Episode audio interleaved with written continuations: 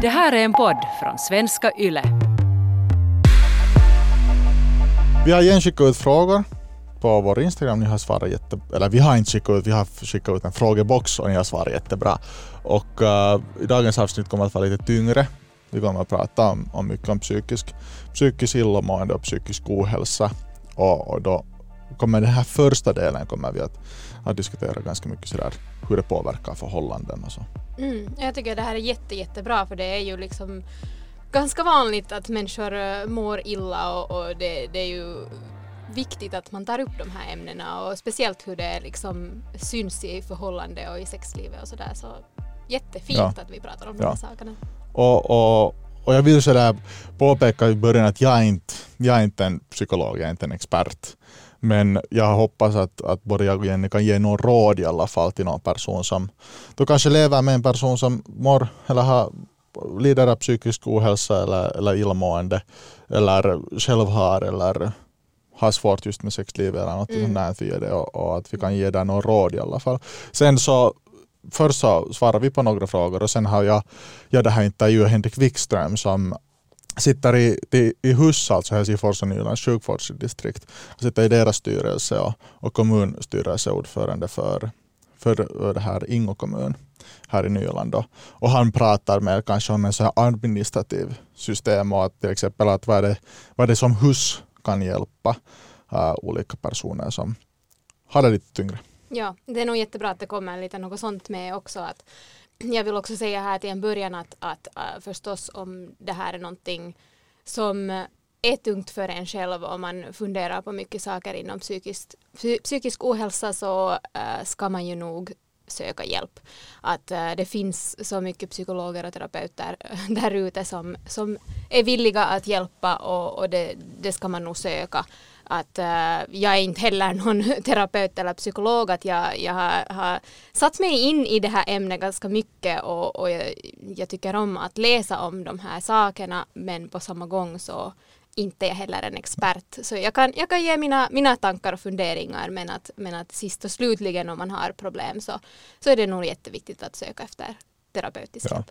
Och just att den här tröskeln ska vara så så låg som möjligt, att man på riktigt vågar och, att, att det, mm. det finns inte en, kan inte finnas en skam i det hela. Nej, jag tycker egentligen att, liksom, att, att söka efter terapeutisk hjälp är någonting som alla borde göra vid något skede av deras liv. Oavsett om det kanske inte ens känns som att dina problem är så hemskt stora, men på riktigt, man lär sig så mycket om sig själv mm. om, man, om man på riktigt får sån sorts hjälp, fast det inte ens känns så paha. Liksom. Ja.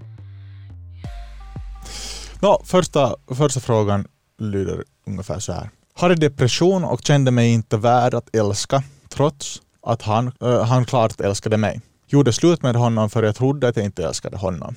Nu efter terapi plus medicin känns det som att jag kunde vara med honom igen. Men det är knepigt att starta något igen när det slutade så illa. Ja, en, så det var liksom en person som märkte att den hade depression och, och, och, i hela den processen så var det svårt att liksom kanske skilja på känslorna ja. att, att äh, älska hon den här personen eller hennes partner då på riktigt eller inte och, och, och därför tog det slut sen. Uh, men att det där, nu, nu verkar det ju som att den här personen har börjat må bättre mm. i och med terapi och medicin och, och, och, och då har hennes liksom tankar kanske gått tillbaka till det där förhållande som hon hade då mm. och kanske börjar man, man fundera att, att det där. Att, och kanske man vågar eller ja, och, ja. och tänka att man skulle kunna återförenas på det sättet. Mm, jag tycker att det är ju fint liksom nu att, att det betyder ju, hen har börjat må bättre uh, uh, i och med terapi och medicin och det är ju jätte, jättefint att, att höra det, att det faktiskt hjälper och sådär. Uh, och jag tror att det är jätte, jättevanligt för, för människor att sen när man börjar må bättre att, att tänka så här att oj nej, att ja. har jag gjort ett misstag. Ja. Uh, men att det där, jag tänker att det där, det kan kanske vara bra att, att komma ihåg ändå där att, att när det har tagit slut, att varför tog det faktiskt egentligen slut? Och man var ju ändå två personer i det där, liksom hela processen av att någonting har tagit slut. Att inte nu vet jag ju inte hur, hur egentligen den här hela processen har ja. gått och, och, och, vad som har hänt där exakt men att det där men att sen tänka liksom själv där att är det faktiskt den här personen som man saknar eller är det mer den där närheten och ett något sorts förhållande Mm. bara som man saknar. Men sen när man har kanske funderat igenom de här grejerna med sig själv, jag tror att det kan, när hon sa att hon går, eller hen sa att hon går i terapi, så kan det vara ju bra att ta upp det i terapin också och diskutera med terapeuten att, att mm, jag tror att terapeuten har säkert jätte, jättebra saker att komma med där. Och sen börja fundera att, att är det ett, ett läge att ta kontakt med den här människan? Ja. Vad tänker du? Nå, jag är nog inne på ganska långt samma spår. Alltså, jag tror alltså oftast i, i en relation där när två personer, eller en, en person mår dåligt så är ju den andra personen också väldigt involverad Mm. i det. Och samtidigt så tycker jag det är jättemodigt att, att hen har kunnat inse nu, nu mår jag inte så bra och före hon då sökte hjälp och så här så tror jag det kan vara en bra sak att okej då våga hon göra slut och, och vara Mm. sådär okej att, att nu är det här. Och, och sen äter man och sen har hon varit bra på att söka hjälp och, Mm. och mår i dagens Jättefint. läge bättre och det är jätteviktigt. Mm. Just det där att man får ju ångra saker som man gör. Mm. Man får ångra att varför tog det där slut? Mm. Och då var jag i ett sånt livsskede där jag inte själv kunde säga att det här förhållandet var bra eller det här förhållandet var tillräckligt eller jag kan inte vara i det här förhållandet nu. Och det är jättefint Ja. att, att hon har vågat ta det beslutet och liksom faktiskt fokusera på sig Mm. själv. Alltså sådär att man får alltid ångra Mm. och man får alltid försöka på nytt. Det är ingen som stoppar en. Att, att jag, jag, själv skulle jag i alla fall ta kontakt med den här personen och säga att hej, att, nå, då vet ju det här exet ganska säkert bra över hur situationen var. Mm. Och sen kan man prata om det. Man kan prata om den processen man har gått igenom. Mm. Sen kan man prata om att hur fick det ens ex att känna sig? Precis. Och hur reagerade hen på hela processen och hur mådde han eller hen då? äh, då. Och sen så tycker jag det är ganska bra att man kan säga att hej men inte kanske direkt säga att ska vi försöka på nytt men att man kan säga att hej ska vi börja träffas lite oftare eller Mm. skulle du vilja fortsätta diskutera eller skulle du vilja ta en till kaffe någon annan Mm. gång eller något sånt. Att, att man får också våga ha gjort dåliga beslut och Mm. beslut som man själv kan ångra senare eller beslut som man kan tycka att var rättfärdiga då Mm. men ett år, ett och ett halvt år, två år senare kan vara sådär men varför fan gjorde jag det där? Mm. Ja, alltså jag håller med fast alltså jag tycker inte att man, man gör aldrig dåliga beslut. Alltså i stunden så har det varit ett bra beslut. Och, Ja. och, men att som du säger så är det jätte, jätte okej att man, har, att man ångrar det där beslutet som man har gjort efteråt. För att din situation är ju någonting helt annat nu. Ehm, jag tycker att jag håller med om allt du sa uh, och, och, och kanske nog ändå liksom sådär lite försiktigt ta upp den här saken. Liksom att först kanske liksom ta kontakt med den här personen och fråga att vad är hens läge? Är det, är det liksom, har den här personen, alltså det var nu en han i alla fall, den här som partnern, så har han gått, helt, har han gått vidare Mm. redan? Ja. Och då är det ju liksom så att då måste man ju kunna respektera också de känslorna och sen kanske just förbereda sig själv på det att innan man tar kontakt att det finns en chans att det är inte aktuellt för den här personen Ja. att, att liksom ta upp det där förhållandet igen. Mm. Och, och, och då, då måste man ju liksom bara kunna respektera det och gå vidare med sig själv och, och fortsätta fokusera på sig själv. Ja. Men, men samtidigt så tror jag att man får en bättre closure Exakt. om man Ja. vågar ta Ja. steg och fråga. Mm. Och sen är det så okej men, men vi kan kanske vara vänner Mm. men du har redan gått vidare. Mm. Du, du har kanske träffat en ny eller du Mm. har, ah, du vill inte vara med mig. Mm. Men då kan man få ett, ett slut på det hela Ja. som är snyggare än, än att man börjar änta på det. Mm. Att vad om, vad om, vad om. Exakt, man blir och funderar sen man kanske aldrig slutar Ja. fundera på det om man inte får den där, det där slutet på det. Så det tycker jag absolut att ta kontakt och, och fråga helt liksom ärligt och säg, berätta liksom helt din, din sida av situationen. Mm. Så där, öppna upp det försiktigt och sen, sen börja, börja prata om det. Och, och jag, jag tänker att till och med att om det kan vara svårt att liksom ta upp det på något sätt så det finns ju också den, den möjligheten att man kanske skriver ett brev till den här personen och frågar att hej att jag har någonting jättetungt som jag skulle vilja liksom prata med dig om och jag, har, jag vet inte riktigt hur jag ska säga det att jag har skrivit ett brev att vill du läsa det. Mm. det här, så kan man ju också liksom starta Ja. det ifall det känns svårt. Ja. Så vi får över till nästa fråga. Jag har panikångest. Eh, Jag försöker vara noggrann över att min pojkvän är min pojkvän, inte min psykolog. Ja, det här tycker jag faktiskt är jättefin sak att man har funderat över för att det går ju ganska ofta att, att man liksom helt och hållet liksom lutar sig på en annan person och, och tänker att den här per, andra personen ska fixa allting åt mig. Um, så det är fint att, man, att någon försöker eh, skilja på den här Mm. saken. Um, så att, att då, då kan det ju då är det ju bra vad jag tänker direkt liksom att då är det ju bra att man faktiskt har den där psykologen eller terapeuten som man sen går till att inte pojkvännen blir en psykolog. För Ja. att man har ju ändå de där sakerna man kanske behöver få ut och prata om och, och, och få det där stödet. Så, så det tycker jag absolut. Men, men på samma gång så tycker jag ju nog att nu är det ju fint om pojkvännen kan finnas där för dig. Att, att, att, eh, som stöd och hjälp. Att, att, eh, men där går, finns den här gränsen liksom att, att eh, vad, vad kan en annan person göra för en? Att, att det där finnas där för att lyssna och kanske ge närhet och, och också råd. Men att med råd så tycker jag, jag älskar det här när människor frågar av en. Att, att hej, att, att man, man, man kanske diskuterar någonting svårt och sen så frågar den andra att, att uh, hej, att vill du ha mitt råd på det här eller vill du att jag bara är här nu för dig och lyssnar? Uh, för att ibland vill man inte ens ha något råd. Ja. Man vill bara liksom få ut Ja. de där grejerna. Så att det där, eh, så det tycker jag är en, en, en bra grej. Men att sen på samma gång så, så en, en pojkvän finns inte till där för att liksom fixa någonting eller, eller hitta lösningar eller vara alltid liksom där som det där att man inte liksom klarar sig Ja. utan den där personen.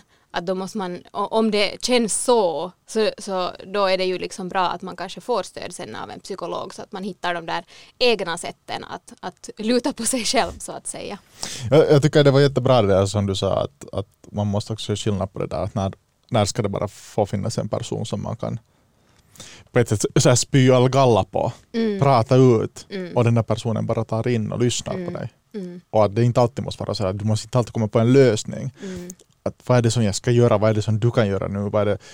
Man behöver inte ha alla svar på alla frågor. Och det har jag i alla fall märkt att jag har varit i några sådana förhållanden där min partner har mått varierande men, men några har mått sämre och några har mått inte varit kanske ändå så nere på, på botten. Men, men där jag har tagit ett allt för stort ansvar Mm. på deras illamående. Och i början är det ju kanske någonting som man gärna tar på sig och man gör det ju jättegärna för att man bryr sig om den människan. Men sen sist och slut sen då börjar det tära jättemycket på, på en själv att man kan inte leva en annan persons liv Mm. och man kan bara vara där så mycket som man Ja. kan. Man kan inte vara... Jag, de sakerna jag säger, de sakerna som jag gör kan på något sätt stödja. Men det måste finnas en annan vardag, det måste finnas en annan verklighet också. En, man ska försöka hitta en annan sådär det måste finnas ett annat bollplank än bara jag. För att då Precis. blir den här andra personen eller partnern kan bli väldigt ensam i den Mm. situationen. Där den inte vet att okej vad, är det som jag ska, vad är det som jag kan göra eller vad är det som jag ska göra. Mm. Där i alla fall som partner har också någon person som man själv kan bolla med och prata med. Det kan vara en familjemedlem eller en kompis som man, som man kan prata om att, att, att det här är ganska tungt. Ja. Och det här känns ganska sådär jobbigt att jag alltid Fast man gör det, man gör det ju för att man älskar den andra personen. Så man, man vill ju att den andra personen ska må bra. Men sen samtidigt så behöver man också kunna ha en plats där man kan diskutera ganska att, att det här är ju inte kanske så lätt för mig heller. Mm. Jag tycker det där var, det där var jättebra att, att säga att man själv har som partner någon, någon att prata med. Jag tycker den här går lite in i den där nästa frågan som vi har för det stå, den, den är ju det här att att det är svårt att veta gränsen eh, för vad man, vad man kan hjälpa någon annan med och när man måste skydda sig själv. Mm. Så det här är ju lite, det är, liksom, det, det, här, det är den här gränsen här Ja. som vi nu lite söker efter. Mm. Och, och, och du gick liksom lite in på det där egentligen redan att, att, att var går den där gränsen? Ja. Och du har ju lite varit med om, om det här egentligen på Mm. ett sätt att, att du har försökt hitta den där gränsen där. Och jag, jag, jag, jag tycker att det är ju nog jättesvårt. Det är jättesvårt. Hur ska man faktiskt veta var den där gränsen går? Att, att nu, nej, nu behöver jag skydda mig själv Ja. i det här. Och, och som partner så måste, svårt att för- förklara, men som partner så måste man också, man kan ju inte riktigt sådär bara säga ut, nej nu tänker vi inte Mm. prata om det här mera. Ja. Nu diskuterar vi inte det här mera. Mm. Så där måste ju finnas någon sån här att man måste bygga upp en plan tillsammans Mm. tror jag att kan vara ganska bra. Man kan ge olika råd men sen så att också låta det här professionella sköta deras Ja. arbete. Och sen kan man diskutera, okej men vad, vad pratar ni om idag, hur, gjorde, hur får det idag? Känns det på något sätt sådär att, att det här kanske är rätt riktning? Mm. Ehm, ja, att man vill ju finnas där för, för de som, som man, man älskar. Eh, men man måste ju ändå tänka på, sig, på sitt eget välmående som prio nummer ett. Jag tycker om det här när man säger det här att man måste sätta syremasken på sig själv före man kan sätta den på någon annan. Eh, Alltså, men det är ju jättebra liknelse. Ja, är en det är, men det är ju det för att man klarar ju inte av att hjälpa någon annan om inte man, man har hjälpt sig själv Ja. först. Men på samma gång som du sa så man kan ju inte heller bara springa ifrån den där situationen. Då skulle alla människor liksom kunna direkt som det blir lite också jobbigt att bara börja springa iväg. Det är ju också, det är ju också att vara rädd för intimitet och, och, och liksom sådana här grejer Mm. och, och kanske inte våga ta ansvar och så här. Men att, men att äh, där tänker jag att, att för att skydda sig själv så måste man just ha de här gränserna som, som du också pratade om. Men hur ska man hitta den där gränsen? Och där tror jag nog att, att man måste jättemycket lyssna på sin kropp, på, på sig själv. Att, att hur reagerar jag nu i de här situationerna när till exempel partner får något psykiskt sammanbrott eller, eller någonting, eller någonting som den pratar om som är kanske svårt för dig. Va, vad klarar jag av att göra för den här personen? Hur, hurdan sorts stöd klarar jag av att ge nu?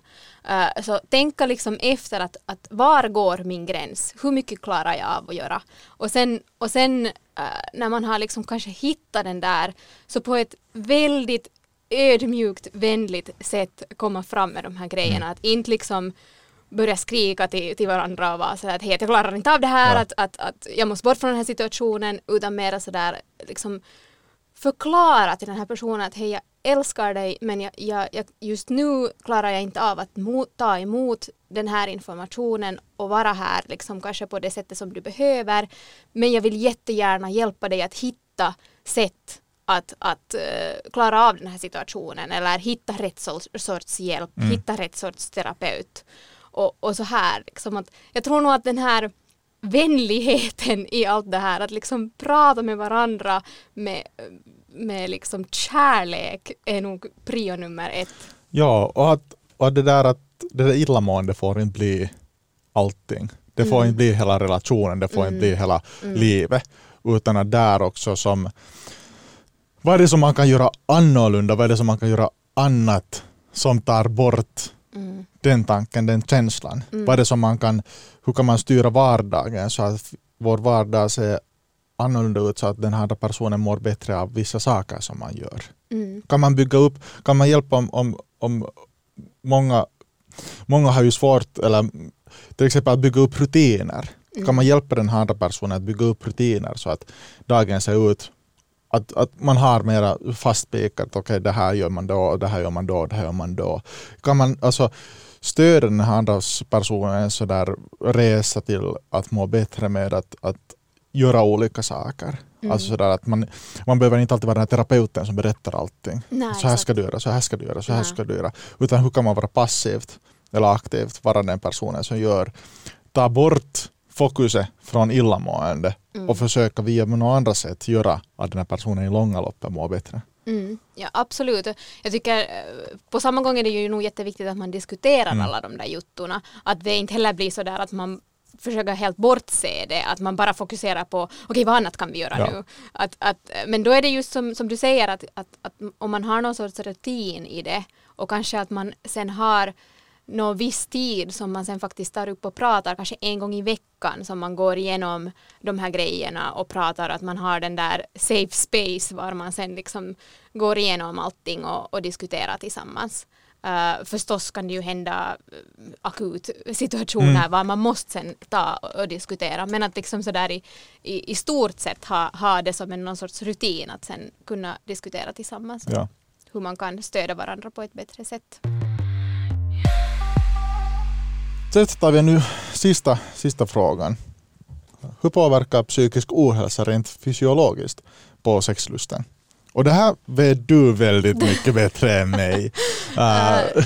jo, jag tycker det här är jätteintressant. Jag, jag vad heter det, alltså inte vet jag ju så hemskt mycket, jag är inte någon expert heller med sådana här grejer, men jag har läst en, en bok som heter Come as you are um, av Emelina Goski och här förklarar hon ganska på ett bra sätt det här att det handlar egentligen om stress, hur stress liksom får kroppen, eller stress och sex och hur det, hur det liksom går ihop. Mm. Uh, men att egentligen så kan man ju säga att psykisk ohälsa är en respons på långvarig stress. Att det är ju typ på det sättet som det byggs upp i kroppen.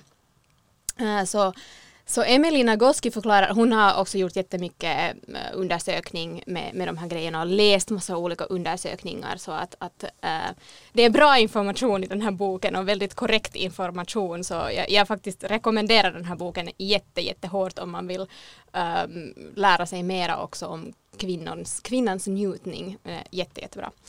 I alla fall så hon förklarar det, det så att äh, stress egentligen, det vet vi ju att det, kan, det visar ju sig i olika, tre olika former i kroppen. Uh, jag vet inte, vad är det här på svenska? Fight, flight, freeze. Men ni vet ju vad, vad, jag menar med fight, flight, freeze. Och fight och flight responsen är ju någonting som vi har hört om ganska mm. mycket. Att liksom bli där och, och attackera eller, eller springa iväg. Och, så det, den här har vi hört om och den, den här sortens stress uh, när man blir i en sån här fight eller flight äh, respons så aktiverar det sympatiska nervsystemet och, och det sympatiska nervsystemet får äh, din hjärna då att ta ett beslut att göra någonting, att ta någon sorts action ja. i det här tillfället. Medan, medan freeze-responsen är, är en respons som sätter total broms på och, så att man klarar inte att göra man klarar, någonting? Nej, så ja. den, den aktiverar det parasympatiska nervsystemet och äh, då sätter det liksom stopp för allt och det kan visa sig som att ähm, kroppen liksom stänger av sig. Man mm. kan kanske bli trött eller, eller så här eller helt liksom att man typ inte kan röra sig. Så det där, varför har vi sådana här sorts responsmekanismer i vår kropp? Uh, det vet vi ju från, från har vi ju läst om mycket tidigare att det här är ju liksom från tidigare eh, tiden när man behövde det här för att liksom typ till exempel om man var ute i djungeln och mötte ett lejon. Mm, ja. Alltså som helt, hur, hur ska man försvara sig försvara själv? sig ja. själv. Så, så då var det ju fight, du möter ett lejon, alltså, alltså attackera lejonet, döda lejonet, uh, flight, uh, här är ett lejon, spring för livet, eller freeze, där är ett lejon, okej, okay, play dead, ja. liksom, lek att du är död. Att det, ja. Men så vår kropp fungerar så här och de här alla, eh, det här syns ändå också i dagens läge. Enda grejen är att det här lejonet är inte ett lejon för oss mera. Det, det är andra saker. Det är liksom som till exempel jobbstress eller, mm. eller uh, en, arg, en arg chef eller, eller uh, något problem i förhållanden eller någonting som, som då aktiverar sympatiska eller parasympatiska nervsystemet. Och då syns alltså fight uh, uh, i vår kropp i dagens läge som då, det här är då att attackera. Så det kan vara så att du får långvarig irritation eller ilska, frustration, du kan vara jättestörd på saker hela tiden. Medan flight, det är alltså spring iväg, uh, visar sig i kroppen som typ ångest eller oro eller du är jätterädd för saker hela tiden. Och sen den här freeze, freeze-responsen så är det då det här att du liksom helt stänger av din kropp i dagens läge och det kan vara att man inte sen typ känner något mera och det här är också oftast när man eh, får en depression. Att man, man, man har så länge varit i den här stressen, den här långvariga freeze-stressen att man, man får en depression ja. i kroppen. No, men i alla fall, så nu när jag har förklarat allt det här så, så äh, säger jag ändå det att äh, man vet inte ännu helt exakt att hur liksom de här stresshormonerna och, och sexhormonerna, att, att hur de, när de liksom mixas i kroppen, att hur det egentligen fungerar. Att det har man inte liksom kommit riktigt fram till. Men man vet ju det att när man då får de här, man är stressad, deprimerad, äh, så man är ju inte lika intresserad av andra människor. Nej man klarar inte av det för att man har så mycket på gång i sitt huvud och människans hjärna kan liksom inte dela deala med för mycket information på en gång. Så då prioriterar man ju de sakerna som är viktigast just då i den sekunden. Och då vet vi ju också det att, att äh, äh, stress handlar om överlevnad. Så, så ifall man då har ångest eller liksom jättesvårt att andas eller liksom är djupt deprimerad så då, då prioriterar man ju att försöka andas om man mm. har svårt att andas. Man prioriterar det och man prioriterar att försöka överleva med den här djupa depressionen, ångesten som du har. Så då fungerar ju din hjärna eller reagerar på precis samma sätt som då förr i tiden när man blev attackerad av ett lejon. Så att det är liksom, men att det är bara det att uh, nu syns det på lite andra sätt. Och är det då, när man blir attackerad av ett lejon, är det tillfälle att ha sex? Om du tänker det så. Ja, alltså, men det, alltså, men, det låter ju skitlogiskt. Mm, ja. och, och liksom det, så man klarar ju inte av att tänka på sex då, du prioriterar inte sex. Mm. Så det är egentligen kanske det sista som du tänker ja. på när du är i det här överlevnadstillfället. Och det, det här leder ju då till att man har nedsatt sexlust eller inte klarar av att njuta av sex överhuvudtaget, mm. man klarar inte av att, att känna någonting.